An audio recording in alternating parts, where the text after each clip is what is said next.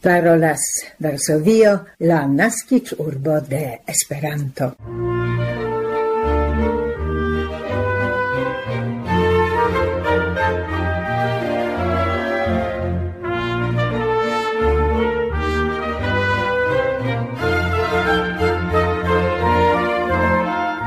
Coran bonvenon, gesignoroi, en la mil ducent quardec dua Esperanto el sendo el Varsovio la decan de maio du mil dudec tri. Hodiau apartan invitan saluton en nia radioprogramo directas Barbara Pietrzak, Milada Švedo, Kristina Grochocka kaj Matej Jaskot. Tradicie ni proponas aktualaĵojn kaj la sciencbultenan informon. Hodiau vi trovos crome la daurigon de nia interparolo cun Petro Balas pri la nuniaraj kunvenoj de poliglotoj.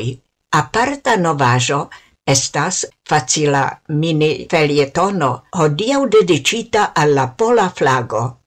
facila in programeroin jam delonge proponis niai auscultantoi. Hodiau crome aparta surprizo de Venil Cosmo, lige con la oficiala apero de la tria eldono de Martin Kay la Talpoi, titolita Vestigioi. En la comenzo de la programo audigas actualajoi.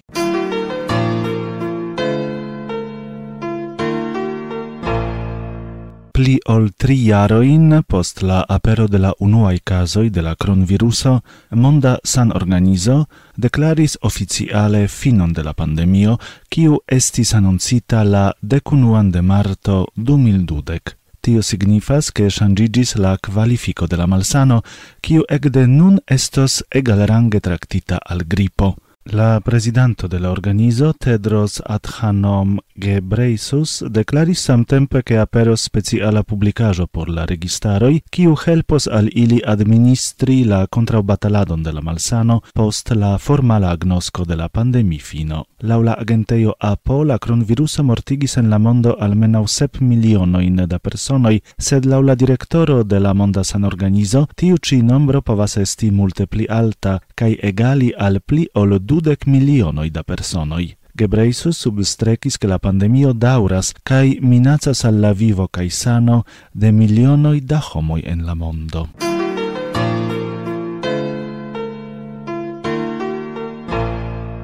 Kiel informas PAM agentejo, reference al donitajoj de la pola limgardistaro, nur lunde okdek eksterlandanoj klopodis nelegale traspasi la polan limon kun Belorusio. Inter ili estas civitanoj de Etopio, Eritreo kaj Kongo.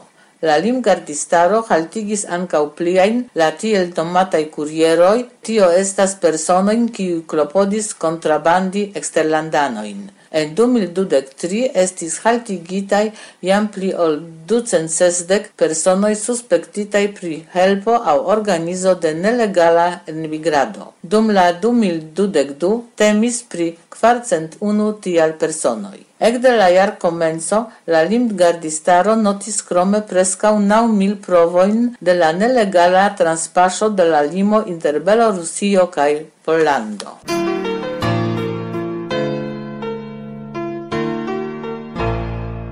prescau mil quincent emigrantoi venis semain fine al la Itala insulo Lampedusa, En la loca centro de registrado kaj identigado de enmigrantoj estas kvar oble pli da personoj ol disponeblaj lokoj. La migro ondo al Italio ne ĉesas malgraŭ la fakto, ke la registaro de Giorgia Meloni proklamis la eksterordinaran staton lige kun la enmigra minaco. Dum la paska periodo la nombro de nelegalaj enmigrantoj al Italio kreskis je 300%. En Lampedusa troviĝas civitanoj de Tunizio, Bangladesho, Etiopio, Maroko, Sirio, Sudano, Egiptio, Eburabordo, Eritreo, Gambio, Malio cae Nigerio. Lau confesso de iu el la nelegalai emigrantoi al la hom contrabandistoi oni pagas po kvar mil eurojn.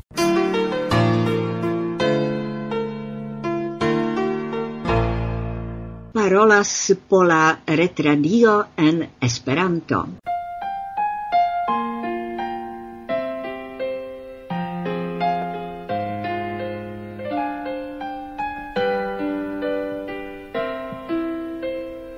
La naziei coloroi de Pollando estas la blanca cae rugia. Tiuin ci coloroin havas la pola stata flago. La duan de maio en Pollando ne festis solene gian tagon. En la nuna iaro la solenadoi ocasis la decnavan foion. En tiu tago la polai blancai rugiai flagoi ecpendis ne nur ce la sideioi de statai officeioi.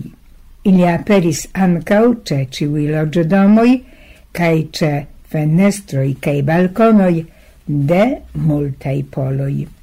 La coloroi de la pola flago estas de pramalnova tempo la blanca cae rugia. Iam en la decdua iarcento, la regia filo, princo Casimiro Justulo, batalis sub la signo de blanca aglo sur la rugia fono. Dum historiei bataloi, tio estis la comuna signo por ciui militistoi de Pollando. Aglo, quiu vivas en altei montoi, simbolas en multei culturoi, ancau en la pola, vencon cae forton. Tial, en la supro de la pola flago aperas la blanca coloro, en la malsupra la rugia.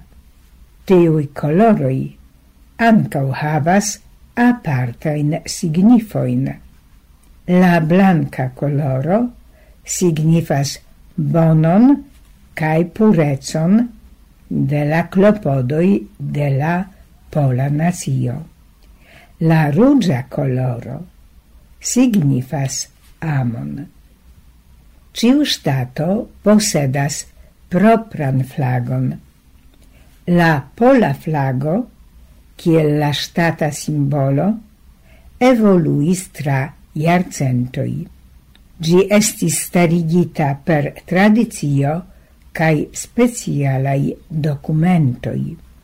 Du statoi, Indonesio cae Monaco, havas flagoin similain alla pola. Tamen, tiui flagoi differenzas de la pola per tio, che en ilia supro aperas la rugia coloro, cae en mal supro la blanca. La rugia coloro en ciui ci flagoi iom differenzas, cae crome la flagoi havas malsaman formon. La flagoin studas aparta scienco. Ecde du mil kvar, ciu en Pollando, cun necessa respecto, raitas usi pendigi la polan flagon dum la tuta iaro publice. Gi estas pendigata liga cun la naziei festoi, dum arangioi cun la stata au loca signifo. Gi aperas lige con la sportai ludoi. En Pollando estas crome dec quar statai festoi, dum ciui la stata flago devas esti presentita publice. Kvar foioin tio jam ocasis en maio. La unuan de maio poloi solenis la laborulan feston la duan de maio, tagon de la pola stata flago, la trian de maio, tagon de la Constitucio, kaj la ocan de maio, nazian tagon de venko super Germanio en la dua mond milito. Krom la blanca aglo kaj la blanca rugia flago, la tria simbolo de Pollando estas gia himno.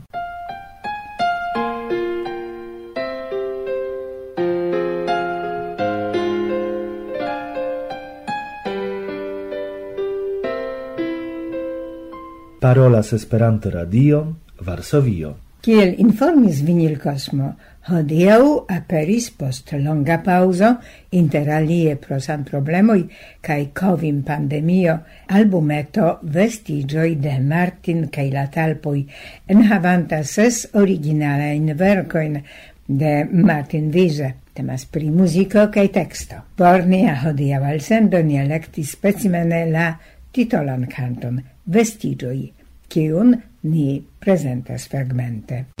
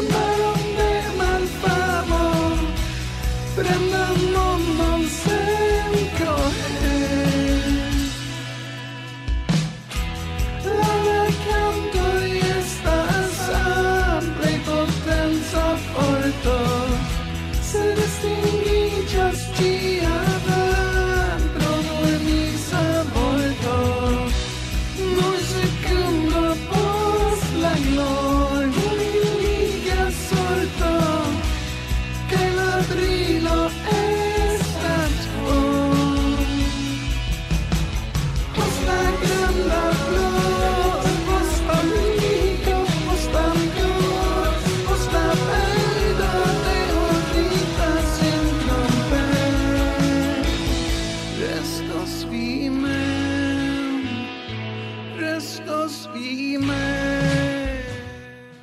Cantis Martin cae la talpoi egde hodiau la albumo Vestigioi lau la cutimei bit formatoi estas disponebla ce Vinil Cosmo. Ni daurigas la programon de la Polare Tradio.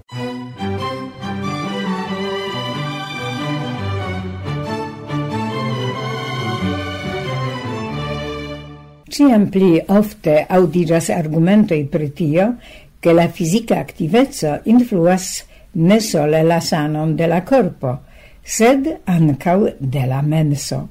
Nun la usonei sciencistoi presentis pruvoin kiel la movigio influas la cerbon.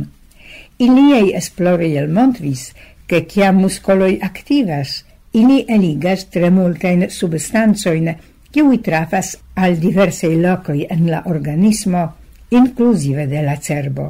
Sciencistoi el Beckman Instituto pri evoluinta scienzo cae teknologio concentrigis pri hipocampo, la schlossila cerbo regiono por la lernado, parkerado cae do la cogna sano. La cunautoro de la rilata publicajo en la periodajo Neuroscienco, kiun li informis che li cae liei collegoi bredis en la laboratoriei condicioi musculceloin de muso, che tiam ili maturigis, ili extractis la productatain de ili substanzoin. Ili sequestis aldonitai al alia laboratoria bredeio en havanta la neuronoin de hippocampo cae accompagnantain ilin cerboceloin astrocitoin la aldonitai extractitei muscol substanzoi causis che la neuronoi komencis producti pli fortein cae pli oftein electrain impulsoin. Laula la tio estas signo de intensa cresco cae pli bona sano. Krome, post quelcae tagoi la neuronoi comencis produkti signaloin en pli sincrona maniero, kio attestas pri creigio de pli matura reto, simila al organizigio de neuronoi en la cerbo. La alia constato estis che essenzian rolon por subteni la neuronoin ludis astrocitoi, sen kiui la neuronoi manifestis hiperaktivigion. Tiuj cerboceloj reguligas do ilian reagon, kio certigas equilibron necesan por optimuma funkciado de la cerbo. Laula la aŭtoroj de la ilia malkovro estas la unua paŝo por kompreni kiel la movigio influas la cerbon, kiel ĝi subtenas psikan sanon kaj intelekton. La malcovro povas havi ankaŭ praktikan rezulton en la formo de pli efikaj ekzercoj, helpantaj en kognoperturboj, kiel kaze de Alzheimer malsano.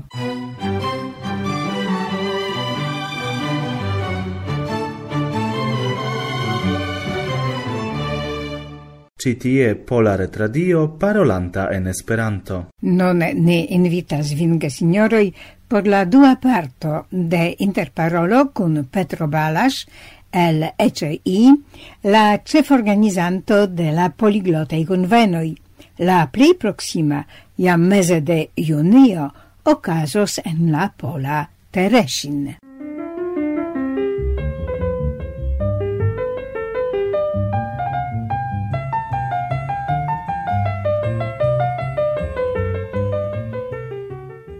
Poliglota conveno havas jam sian eh, tradicion kelkjaran, ĉu ne? Do ĉu vi daŭre popularigas aŭ varbas por ĝi kaj per kiuj kanaloj? Do, unue la komunumo de poliglotoj mem estas jam sufiĉe vasta kaj eblus diri ke ĝi iel nun ankaŭ kun la interreto kaj kun organizo de tiaj ĉi eventoj iel germas aŭ komencas flori char eĉ se antaŭe ekzistis poliglotoj, ne ne ekzistas iu UEA por poliglotoi do iu organizo kiu kunigus ilin, eble parte ankaŭ pro tio ke ne estas iom tro kvazaŭ kongrua grupo, ĉu ne? Do estas yes. diversaj poliglotoj kiu lernas diversajn lingvoj pro diversaj kialoj, kotopo sed tamen multa el ili ŝatas renkontiĝi kaj plu havi kontaktojn unu kun la alia aŭ lerni unu de la alia iujn diversajn aferojn. Do unua evento kiu naskiĝis estis tiel nomata Polyglot Conference kaj ĝi estis fondita ĝuste dek jarojn antaŭe en la jaro 2013 en Budapeŝto kaj ĝin fondis Richard Simcott, kiu estas ankaŭ mem poligloto kaj jes ene de liaj ĉirkaŭ 30 lingvojn kiun li parolas estas ankaŭ Esperanto kaj ekzemple ni komunikas kun li ĉefe en Esperanto.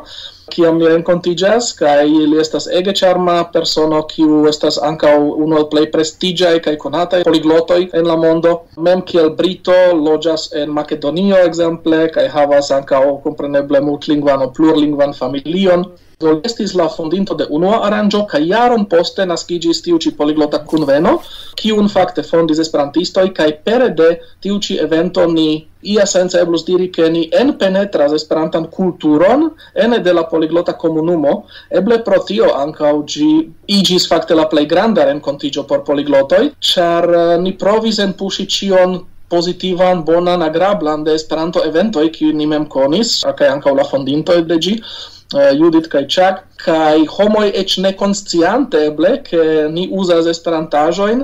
En tiu medio sentas sin bone kaj pretas veni denove kaj denove kaj tiel plu kaj ni havas homojn kiu jam partoprenis ĉiujn tiujn poliglot kunvenojn do estas iom simile kiel veni al universala kongreso kai homoi poste joyas unu jaron por povi denove renkontiĝi. Nur por diri ekzemplojn, do existas io kion ni nomas gufujo, dum poliglot kunveno, kai gi nomigas gufujo, kai multai homoi venas kai demandas ĉu estas iu japana vorto aŭ de, kio estas tio. existas ankaŭ aligatorejo, dum pluraj tiuj aranĝoj ni ankaŭ okazigas koncertojn plurlingvajn kaj ekzemple ankaŭ pasintjare ludis Jomo, ludis Kaŝi, do ambaŭ esperantistoj kaj ambaŭ kapablas kanti brile en multaj lingvoj, do estas ankaŭ prezento samtempe kaj de Esperanteco kaj de multlingveco de tiuj homoj kaj de tiu kulturo. Anca oni ocasigas culinaran festivalon, kiu estas anca tre populara kaj ankaŭ internazian vesperon, do ke la parto prenanto mem kontribu. Do estes... Iui elementoi tui reconeblei por ni. Yes, yes, do pro tio mi diras ke ankaŭ multaj esperantistoj iru gioias au, au simple rekonas tien aferojn kaj sentas sin bone, malgrau ke ne la cefa lingua estas Esperanto, sed ja oni povas trovi tie multe homojn kun kiuj eblas paroli Esperanton.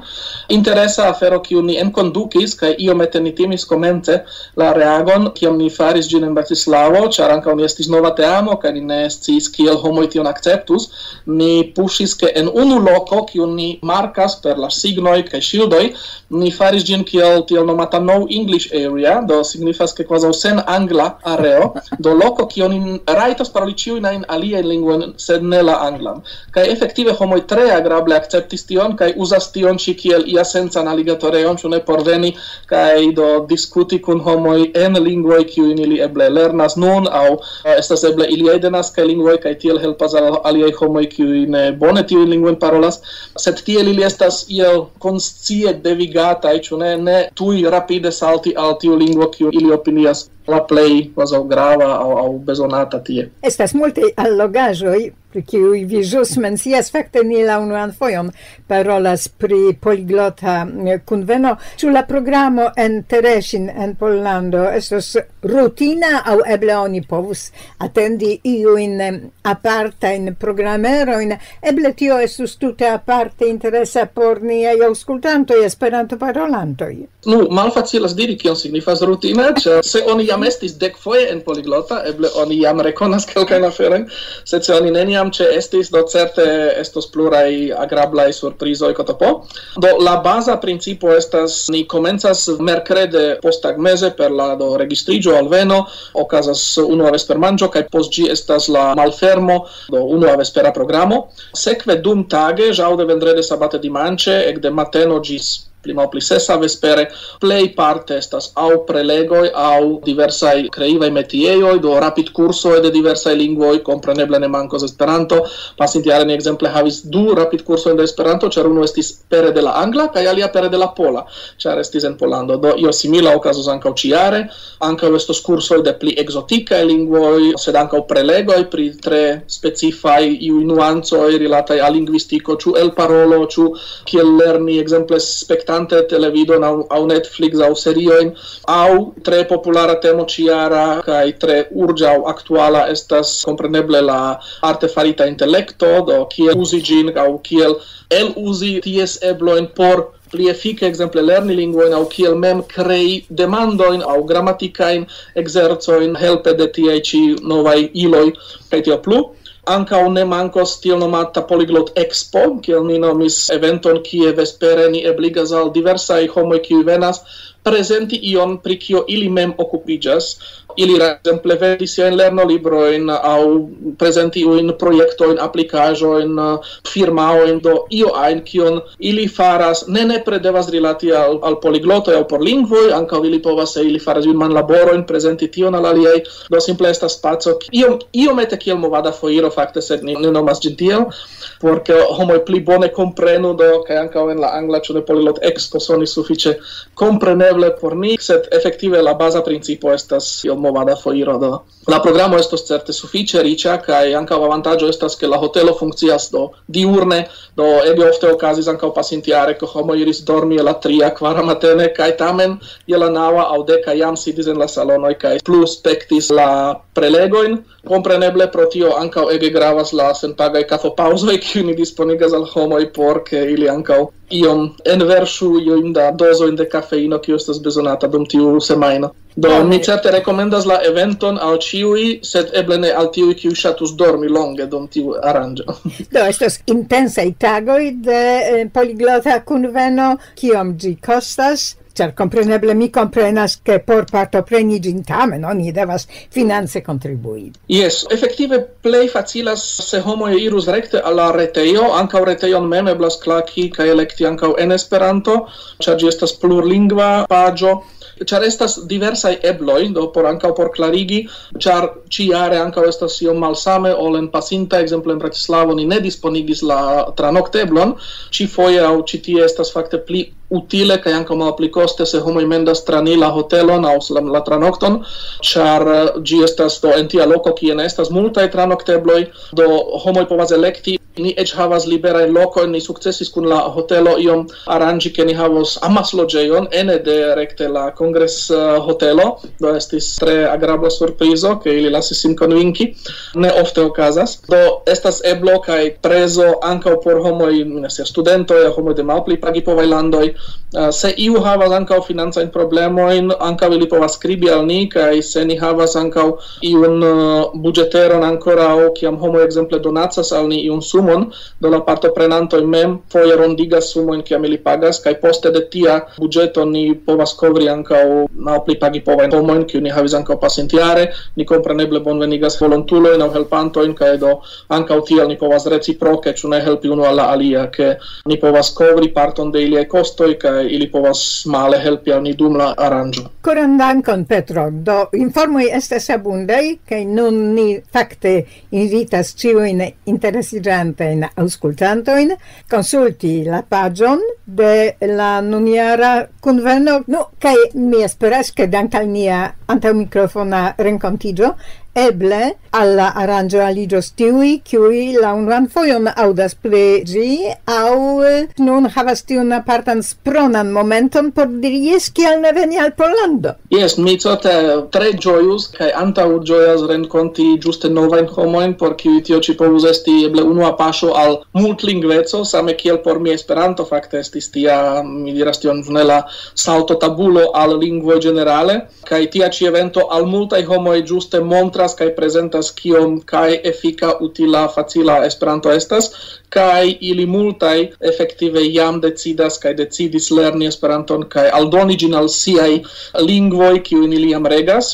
Do se iu ajn interesiĝas, mi certe rekomendas viziti la retejon polyglotgathering.com aŭ com kaj trovi tie diversajn detalojn. Se estas ajnaj demandoj aŭ aferoj por solvi, oni ankaŭ povas skribi al ni ret et poste ce info ce polyglotgathering.com Coran dankon pro la informoi, coran dankon pro la rencontigio cun la espero che la nuniaran cunvenon partoprenos multai novai partoprenantoi esperantistoi, plurlingvuloi. Coran dankon! Dankon anca valvi! Gis en polyglot rencontigio! Gis la rencontigio en Teresin!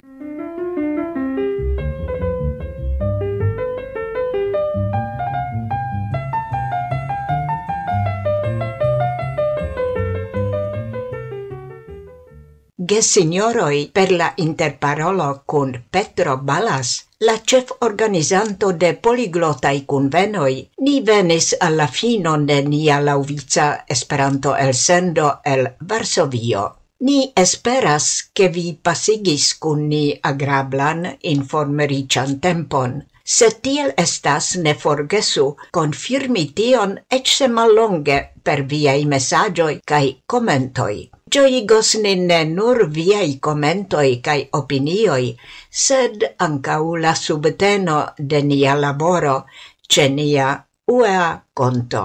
Vars streco to, gesignoroi, gis la reaudo.